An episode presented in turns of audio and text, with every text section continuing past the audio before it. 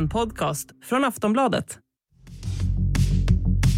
Hur många gånger har man inte sett en kompis rusa in i en relation med någon snubbe och plötsligt är hon helt förändrad? Hon har börjat klä sig som han, hon pratar som han och tycker plötsligt det är jätteviktigt att dricka naturviner som luktar prutt fast hon var en bärs och järnbrutta innan. I dagens avsnitt pratar vi om vår vän Sverige som är två sekunder från ett shotgun wedding med den där internationella snyggingen NATO. Vad kommer det konkret innebära för oss som behöver leva med beslutet? Dessutom svarar My och Lena på era lyssnarfrågor. Det här är Aftonbladets politikpodd En runda till med My Råväder, Lena Melin och mig, Soraya Hashim.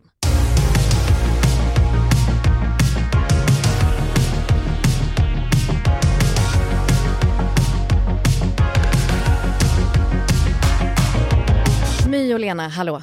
Hallå. Hej. Fick ni inte heller gå på Elgalan? Nej, Konstigt. jag har aldrig varit inviterad, underligt nog. Inte jag heller. Det är en sak som jag ältar som jag behöver er take på.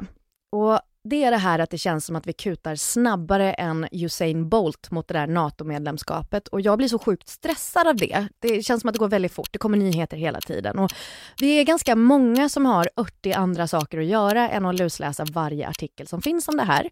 Det är middagar som ska lagas, ungar som ska hämtas och lämnas, man ska prestera på jobbet, hinna upprätthålla sina relationer, hinna träna någon gång i veckan, komma ihåg att vattna blommorna. Och det, det är så mycket som händer. Samtidigt som det är uppenbart att det är något enormt stort som är på väg att hända för oss alla i Sverige och att det är svinbråttom. Och det här ger mig liksom stress, eksem och hjärtklappning. Så jag måste stanna klockan lite. För den makten har man nämligen när man har en podd som den här. Så nu, nu stannar vi klockan. Och det jag vill att vi skapar här istället är en stilla liten oas där vi tar saker i lugn och ro så att vi kan fatta vad det är som pågår egentligen och vad det kommer betyda för oss. Går det bra? Absolut. Fint. Så in med hammocken, paraplydrinkarna, solhattarna istället så tar vi det lilla lugna. Är ni avslappnade? Absolut. Tar in en liten lemonad. Nice. Så Lena, berätta. Varför har vi så himla bråttom att bli ihop med NATO? Kan vi inte bara känna efter och dejta lite lugnt och se vart det leder?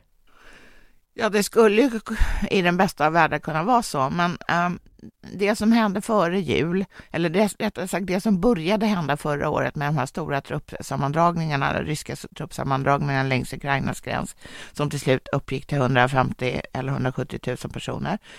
Um, det tillsammans med de krav som Ryssland ställde i ett brev till USA före jul, eh, som bland annat sa då att ehm, Sverige skulle inte få bestämma själv över sin säkerhetspolitiska, um, alltså vilka, vilka, vilka, ja vår säkerhetspolitiska organisation helt enkelt. Kort sagt, vi skulle inte få gå med i NATO eh, om ens om vi ville och vi skulle inte heller kunna, kunna ta emot främmande trupp som övade på svensk territorium. Mm. Eh, det här gällde ju inte bara Sverige, utan det gällde ju fler länder. Och där Ryssland ville gå tillbaka till någon slags eh, sovjetisk ordning med en en zon, säkerhetszon mellan sig och NATO. Och i samband med det här så uttalades det också eh, diverse hot, bland annat med kärnvapen, om kärnvapen. Och det kanske man skulle kunna hoppa upp och skita i mm. om det inte var så att den 24 februari så invaderade Ryssland Ukraina och de visade ju därmed att det de ägnar sig åt just nu är inte munväder utan det är på riktigt. Och därmed så förändrades läget för Sverige och det gjorde den här frågan brådskande. Så det liksom, eh, vad ska man säga, den här 24 februari när Ryssland invaderar Ukraina, det är det som gjorde liksom att vi fick eld i baken?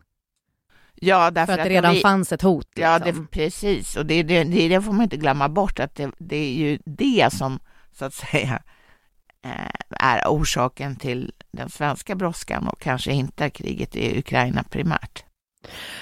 Samtidigt är det så här, som med alla relationer man går in i så finns ju risken att man lite tappar bort sig själv. Så låt oss tänka efter före, innan vi har sagt ja till NATO om vad det faktiskt innebär.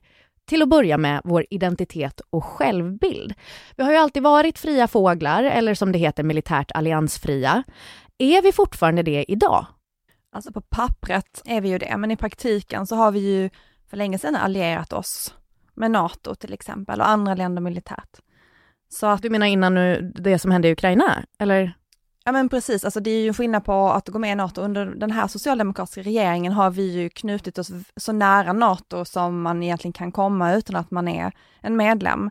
Det är flera olika delar i det, det är alla de här som kallas Hultqvist-doktrinen, att man har gjort, man har, öv, man har övningar tillsammans, man är värd, har värdlandsavtal, man är väldigt nära varandra. Vi har stridit i Afghanistan tillsammans med NATO. Afghanistan Um, insatsen utvärderades ju med att det enda vi hade lärt oss egentligen för den insatsen var ju att vi hade lärt oss hur vi samarbetar med NATO. Mm. Så mhm. det finns ju redan flera, det finns ju redan flera steg där vi har olika typer av relationer, även om man kanske inte skulle kalla det då allianser på samma sätt som vi är på väg in i nu då, om man blir en fullvärdig medlem. Nej men vi har väl ändå kallat oss för militärt alliansfria? Absolut, så. det har ju varit ett omdiskuterat begrepp Aha, okay. ändå, på vad betyder alliansfritt egentligen i praktiken? Mm. För samtidigt så tänker jag just det här att, att vi har haft det på papper och också självbilden av att vara fria fåglar eh, tillsammans med vår liksom självbild av att vi är duktiga på diplomati har ju gjort att vi har ju kunnat hjälpa till och, och försöka lösa konflikter i världen. Eh, för att vi liksom inte har suttit ihop med någon egentligen. Vi har kunnat lite dela med, med alla. Vad händer med det om vi går med i NATO? Finns det, finns det länder som vi inte kan ha samma relation till då? Alltså jag skulle vilja säga att där är nog den svenska självbilden groteskt eh, överdimensionerad. Men den finns ju där. Ja, men eh, är det så i praktiken att världens eh, fred hänger på Sverige? Nej. Fråga Carl Bildt. Mm. Men det, det, man måste säga, också säga att det här är ju har varit en snart 30-årig process som har pågått. I och med att Sverige gick in i EU så slutade ju vi också kalla oss neutrala. Alltså den, den gamla ramsan var ju att Sverige är äh, alliansfria i fred syftande till neutralitet i krig. Mm. Och det togs ju bort det där senare med neutraliteten och därefter gick ju också Sverige in i, um, vad ska, kan man kalla det för, NATOs vänskaps Eh, förening, Partnerskap för fred eller Partnership for Peace. Och där har vi ju varit med sedan dess. Så att det är inte, det är inte så att det här går från ett, det är inte ravin mellan de här två, mellan hur det var i så att säga, november och hur det kommer sannolikt vara nästa år. Men, men kommer det påverka, alltså det ser ju ut som att vi kommer gå med i NATO, när, när vi gör det kan jag väl nästan säga då, eh, kommer det påverka våra relationer till, till andra länder som vi inte haft spända relationer med tidigare? Nej, alltså det kommer ju påverka vår relation till Ryssland jättemycket, men den är ju redan påverkad, den har varit ansträngd under många år och efter det, efter det att de gick in i Ukraina nu så är den ju liksom för alltid förändrad. Mm. Så att på det sättet så tror jag inte att det är Ehm, det kommer ju inte att vara den avgörande skillnaden för hur nära öst och väst vi står egentligen. Jag vet att Ann Linde sa det i Agenda, att nu har vi väl, verkligen valt sida, men jag menar det har vi ju redan gjort för länge, länge sedan, att vi har valt sida, att vi tillhör liksom ett västblock. Med, som Elena säger, med EU-medlemskapet och med alla de här eh, bilaterala relationerna vi har eh, med länder, alltså man har liksom en relation med ett land bara två stycken. Mm. Mm. um, så att det är ju inte, alltså det kommer ju inte bli, det kommer ju inte förstöra någonting som inte redan hade problem om vi tittar på relationen till Ryssland. Jag förstår. Är, är, ni tar upp EU, är det liksom senast eh, någonting riktigt så här stort hände som påverkade vår identitet? Absolut. Ja, och, och det var ju också ett hot som eh, så att säga, gjorde att vi gick med i EU, även om det var ett fredligt hot. Det var nämligen så att dåvarande eh, Europeiska gemenskapen skulle ju bilda och var på väg på bilda någonting som kallades för, kallas fortfarande för den inre marknaden, det vill säga en gemensam yttre tullmur. Och då insåg ju den svenska regeringen att här, här gäller det att, smida medan järnet var varmt och hamna innanför den här tullmuren. Därför att annars hade det påverkat vår export enormt eh, negativt.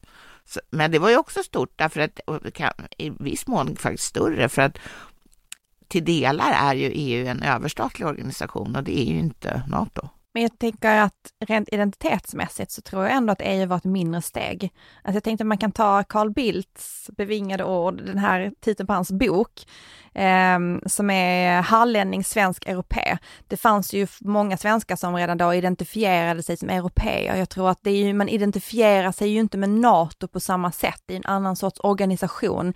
Det finns liksom inte, det finns liksom inte en en tillhörighet på det sättet som är att vara en europe. Sen tror jag i och för sig att det har stärkts jättemycket, att det är många fler idag som identifierar sig som europeer, alltså som del av den europeiska gemenskapen sen EU-inträdet.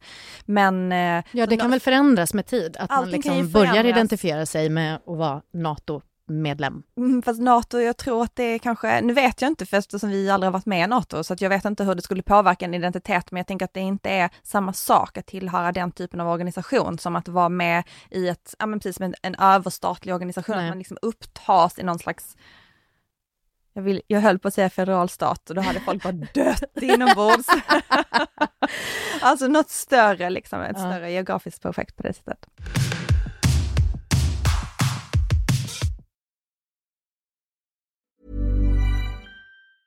Hey, it's Paige DeSorbo from Giggly Squad. High quality fashion without the price tag. Say hello to Quince. I'm snagging high-end essentials like cozy cashmere sweaters, sleek leather jackets, fine jewelry, and so much more. With Quince being 50 to 80% less than similar brands. And they partner with factories that prioritize safe, ethical, and responsible manufacturing. I love that. Luxury quality within reach. Go to quince.com slash style to get free shipping and 365 day returns on your next order. quince.com slash style. En annan sak som är viktig när man går in i en relation är ju att behålla sin tillit till sig själv, sin inre kompass. Och förra valet var en röst på Socialdemokraterna en röst emot NATO. Det är väl inget snack om det? Ja, det var inte för, det var för bibehållen alliansfrihet skulle jag säga. Ja, men ja, precis. Same. Men, men nu pekar ju allting då på att Socialdemokraterna när som helst kommer bestämma sig för att gå ner på knä framför NATO med en ring i handen. Och jag undrar vad det gör för vår självkänsla, eller i klartext väljarnas tillit till demokratin. För om man har kommit överens om en sak och så plötsligt händer någonting helt annat, finns det inte en risk att väljarnas förtroende för politiker eller den demokratiska processen får sig en törn av det här?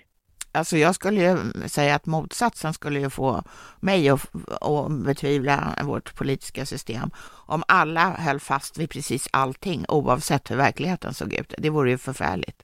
Ja, så har jag inte ens tänkt på det. Jag har bara tänkt att liksom, men vi sa ju en sak, nu ändrar ni er. För, men det är väl också för att man... Ja, det var jävla tur att de inte håller på med samma sak som de sa för 200 år sedan eller 100 år sedan. Alltså världen förändras ju och därmed politiken. Men hur vet man att det här är förankrat då? Alltså... Men äh, man kan inte hålla på så där hela tiden. Vad skulle vi ha sagt om pandemin? Den var inte uppe i valrörelsen 2018, för det var ingen som visste att det skulle komma. Det var alltså ingen som frågade mig om, om det var bra att stänga in landets åldringar i sex månader och därför så borde jag vara sur. Nej, det är inte det.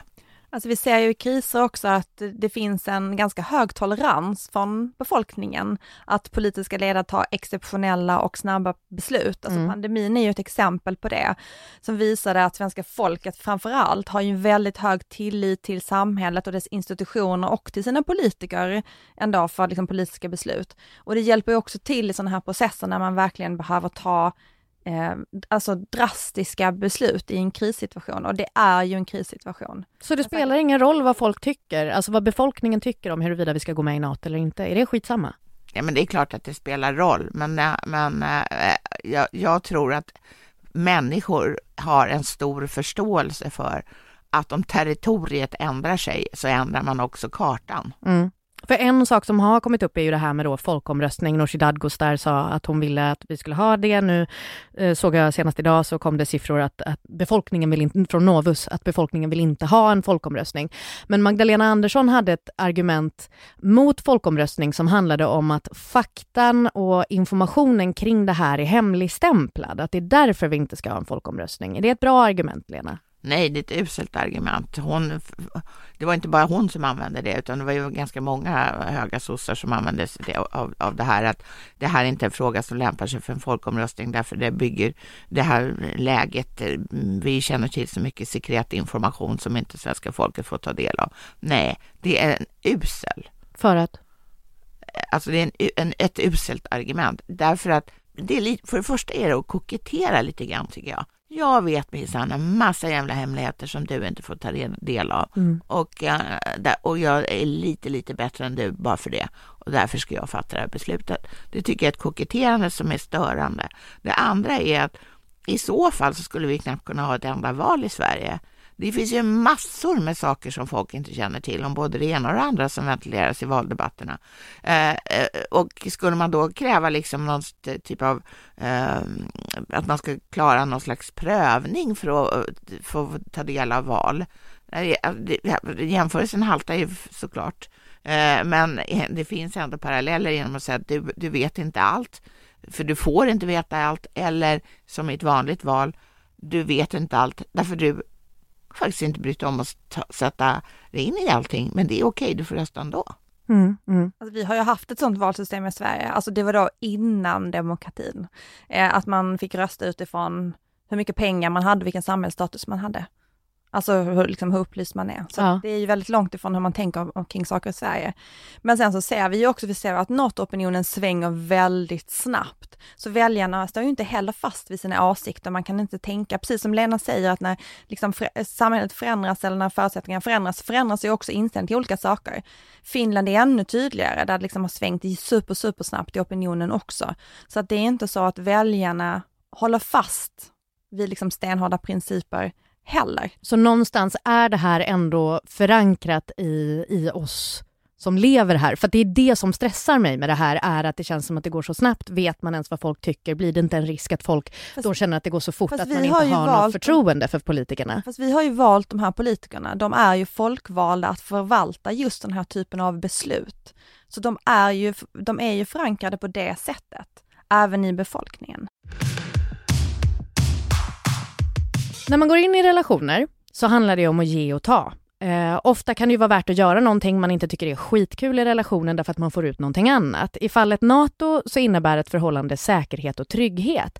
Men jag vill ändå titta på vad det är vi måste betala för att få det. Ni har ju sagt innan att om vi går med i NATO så förväntas vi också försvara NATO, precis som att NATO då skulle försvara oss. Men vad betyder det? Förväntas unga svenskar som har gjort lumpen dra ut i krig?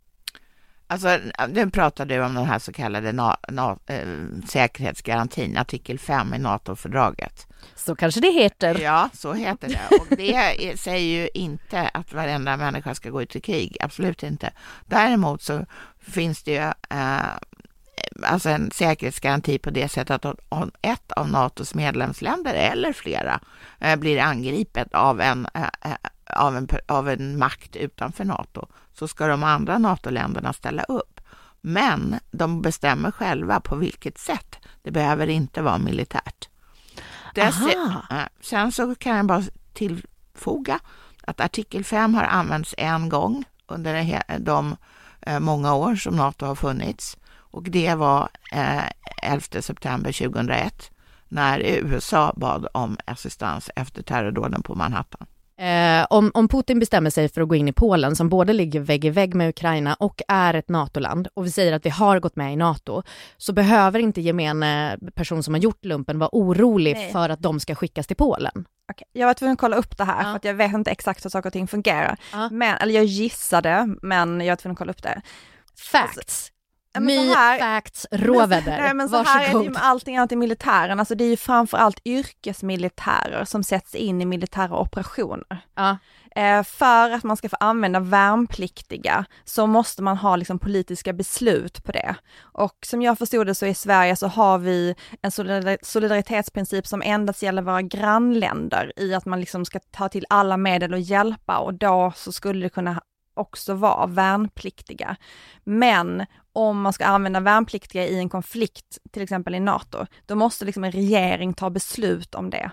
Det är inte bara någonting som sker, utan de värnpliktiga är liksom en annan del av militären. Till exempel, det är ju inga värnpliktiga som skickas till Afghanistan eller Mali, Nej. utan det är ju yrkesmilitärer. Och det är ju det som militären och försvaret försöker bygga upp nu, en starkare, större organisation med fler yrkesmilitärer. Alltså de värnpliktiga är ju inte del av det på samma sätt. Så det är liksom två olika saker. Så det är många steg fram till att eh, någon har suttit och, och liksom spejat i ett torn i Boden till att de ska behöva... O otroligt många steg. Ja. Alltså, den här solidaritetsklausulen som, som eh, eller försäkran eller uttalandet eller vad man nu ska kalla det för som mytar upp, det är också en ensidig deklaration från svensk sida. Det är inte så att det är någon, någonting som vi har ingått i ett förbund med andra. Nu, vad betyder det? Jag hänger inte med. Ja, det Sverige har sagt det. Vi kommer att ställa upp för våra grannar. Mm. med alla utstående medel. De har inte krävt att få höra det, men de har fått höra det i alla fall. Aha, okej. För de är nästan alla med i NATO så de är så här, åh gulligt.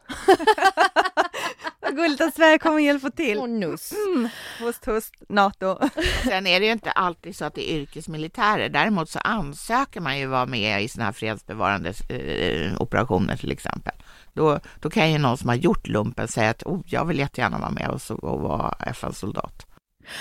Om vi bestämmer oss nu då för att om två veckor fria till NATO och det skulle kosta mer än det ger, kan vi skilja oss? Får vi gå ur NATO? Kan vi det? Yes. Ja. Men är det inte lite som ett katolskt äktenskap att det är svårt? Det är svårt, men det går. Ja. Jag får för mig att det är ganska lätt, men, men kanske inte känslomässigt. Okej, så, så känns det inte bra kan vi bara moonwalka ut ur det. Alltså det är ju så också att det- internationella organisationer är ofta väldigt eh, tillåtande mot sina medlemmar därför att de vill hellre, hellre att de ska vara kvar än, än gå ur. Och det, till exempel när det gäller NATO så hade ju Frankrike under en lång följd av år en, en mycket lösligare eh, ett mycket lösligare förhållande till NATO än de har idag och än, och än de hade haft innan. Hade de ett öppet förhållande? Ja, man skulle väl kunna kalla det för det.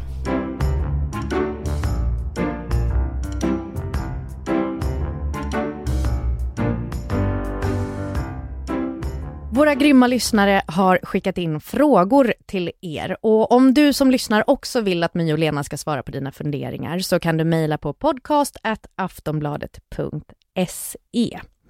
Första frågan kommer från Maramö. Oh, Ja, som undrar vad gör Annie Lööf nu för tiden? Länge sedan man hörde något från henne. Jag har lärt sig att just Maramö vill veta det, för man kanske tänker att de ser henne där ibland. Är det där hon hänger? Det är där hon, hon kommer ifrån. Ja, ja, ja, där. ja. Mm. okej. Men vad, vad gör hon? Vad vet ni? Ja, men hon gör väl vad alla partiledare gör. Hon är med i poddar och träffar Margot Dietz. De har precis haft sin valupptakt. Men, men är det inte lite tyst om henne eller? Hon har inte gjort några utspel på ett tag. Alltså sist jag hörde någonting om henne var ju det här med att Centerpartiet hade problem på kansliet och folk hade sagt upp sig. Ja, fast nu så presenterar de ju sina alternativ till vårbudgetar och det gjorde de ju igår. Så att jag tycker att man ändå hör en del från dem. Det beror kanske på vart man är. Ja, men om var man, inte hänger i riksdagshuset som ni Nej, men gör. jag, alltså, jag håller med dig att alla partier nästan har ju försvunnit ut i periferin utom sossarna och moderaterna. För Ja. att i, I det här läget är det ju så att allt fokus eh, ligger på de regeringsbärande partierna och som vid en enstaka tillfälle lyckas någon annan poppa upp. Typ Nooshi med, med folkomröstningen. Ja, sådär. Ja. De tycker nu det är ganska skönt i Centerpartiet. För att bida Ja. sin tid inför valspurt eller? Ja men de har ju lite problem som kommer upp här nu. Hur ska de rösta? Ska de rösta på regeringens budget eller ska de släppa fram den här Sverigedemokrat förhandlade budgetalternativet den här gången också? Hur ska de ställa sig till fråg- olika typer av frågor? Hur ska de ställa sig till det här med pensionerna? När, när liksom- börjar bu- budgetjoxet igen? Ja, det har redan börjat, absolut. När röstas Det det? håller på. I början av juni. Jaha, okej. Ja, Så vi har några veckor här, men så att jag tycker, de tycker nog det är ganska skönt att få hålla huvudet nere ett litet tag. Okej.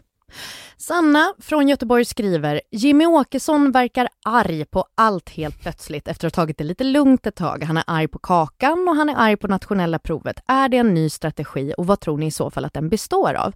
Och då, det här refererar ju då alltså till de hittills eh, helt obekräftade uppgifterna om att programledaren Kakan Hermansson skulle ha något att göra med att Ebba Busch inte fick gå på Ellegalan. Elle själva har sagt att det här var ett redaktionellt beslut. Och Jimmy Åkesson sa då på Twitter Nyheter eh, igår onsdag sa han att eh, i sociala medier att då får Järvaveckan eller politikerveckan i Järva välja mellan att ha honom som deltagare eller Kakan. Och eh, det här med nationella provet var att i nationella provet i historia i år så hade de en fråga som löd en socialdemokratisk debattör skrev 2017 Sverigedemokraterna tror att vi lever på 30-talet. Vilket lands historia från 1930-talet tänkte skribenten troligen på? Och rätt svar var ju då Tyskland. Och då, då rasade Jimmy Åkesson i sociala medier också. Eh, är det en ny strategi, ilskan, som kommer nu? Men det är väl ett sätt att trots det allvarliga läget komma in på banan, att lite så här vad man skulle kunna säga lite lättviktigare frågor, typ eh, vem som kanske är konferencier på Järvaveckan. Mm. Att det, det leder till någon, någon liksom så total explosion.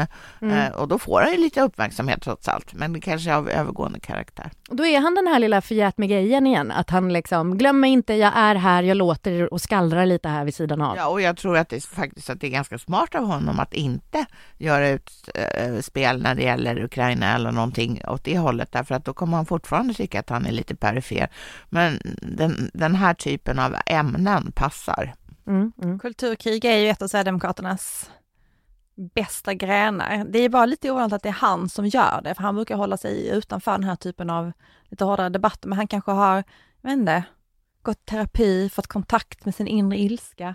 Det kanske är någon sån här primal skriksterapi där man får liksom ut med känslor. Slå i kuddarna eller vara arg i sociala medier. Robin från Stockholm skrev faktiskt också in eh, och, och, ville ha era tankar på Elgate och det här med att Ebba Busch då fick sin inbjudan indragen. Har ni någonting att tillägga i det? Nej, jag tror inte det. V vem vann? Säger du Lena, vem vann? Jag vet inte, alltså Samtiden det som jag, det, jag känner din trötthet det, hela vägen hit till bordet. Ja, men det som jag tycker att Ebba Busch förlorade, men det tycker jag alltid när hon ska ut och festa, att eh, alltså hon lägger för mycket fokus på den där typen av tillställningar. Det tror inte jag är bra för hennes image. Alltså dels att hon ska gå på Elgalan, det tar väl kanske inte så jättemycket tid i och för sig, men hon hade, förstod man, ägnat enormt mycket engagemang och sannolikt tid till förberedelserna inför detta kalas. Mm. Och det, det tror inte jag att man tycker att en partiledare ska ägna sig åt. Mm. Den har så att säga viktigare saker för sig. Sista frågan. Yvonne undrar, just nu leder sossarna en minoritetsregering som är väldigt svag sägs det. Om det nu skulle bli regeringsskifte i höst och Moderaterna och Kristdemokraterna bildar regering så lär de tillsammans inte ha särskilt många mandat. Blir det också en minoritetsregering eller vad är skillnaden? En minoritetsregering är ju den som inte har stöd av en majoritet i riksdagen, så det är ingen skillnad. Det är samma samma. Mm. Mm. Hörni, tack för idag. Uh, vi får se om vi får en inbjudan till Elgalan nästa år, helt enkelt. Skulle någon bry sig om om vi inte kom? Nej, ingen bryr sig. Ingen bryr sig, Lena. De bara... Who? En runda till är slut för idag. Vill du också ställa frågor till My och Lena så kan du mejla oss på podcast.aftonbladet.se. Vi som har gjort programmet idag är producent Olivia Svensson, experter My Råveder och Lena Melin och jag heter Soraya Hashim. Ha det gott, hej hej!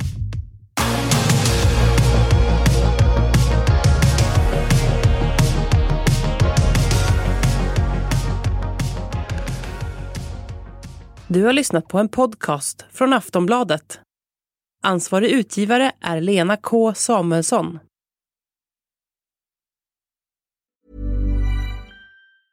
There's never been a faster or easier way to start your weight loss journey than with PlushCare. PlushCare accepts most insurance plans and gives you online access to board-certified physicians who can prescribe FDA-approved weight loss medications like Wigovi and Zepbound for those who qualify. Take charge of your health and speak with a board certified physician about a weight loss plan that's right for you. Get started today at plushcare.com slash weight loss. That's plushcare.com slash weight loss. Plushcare.com slash weight loss.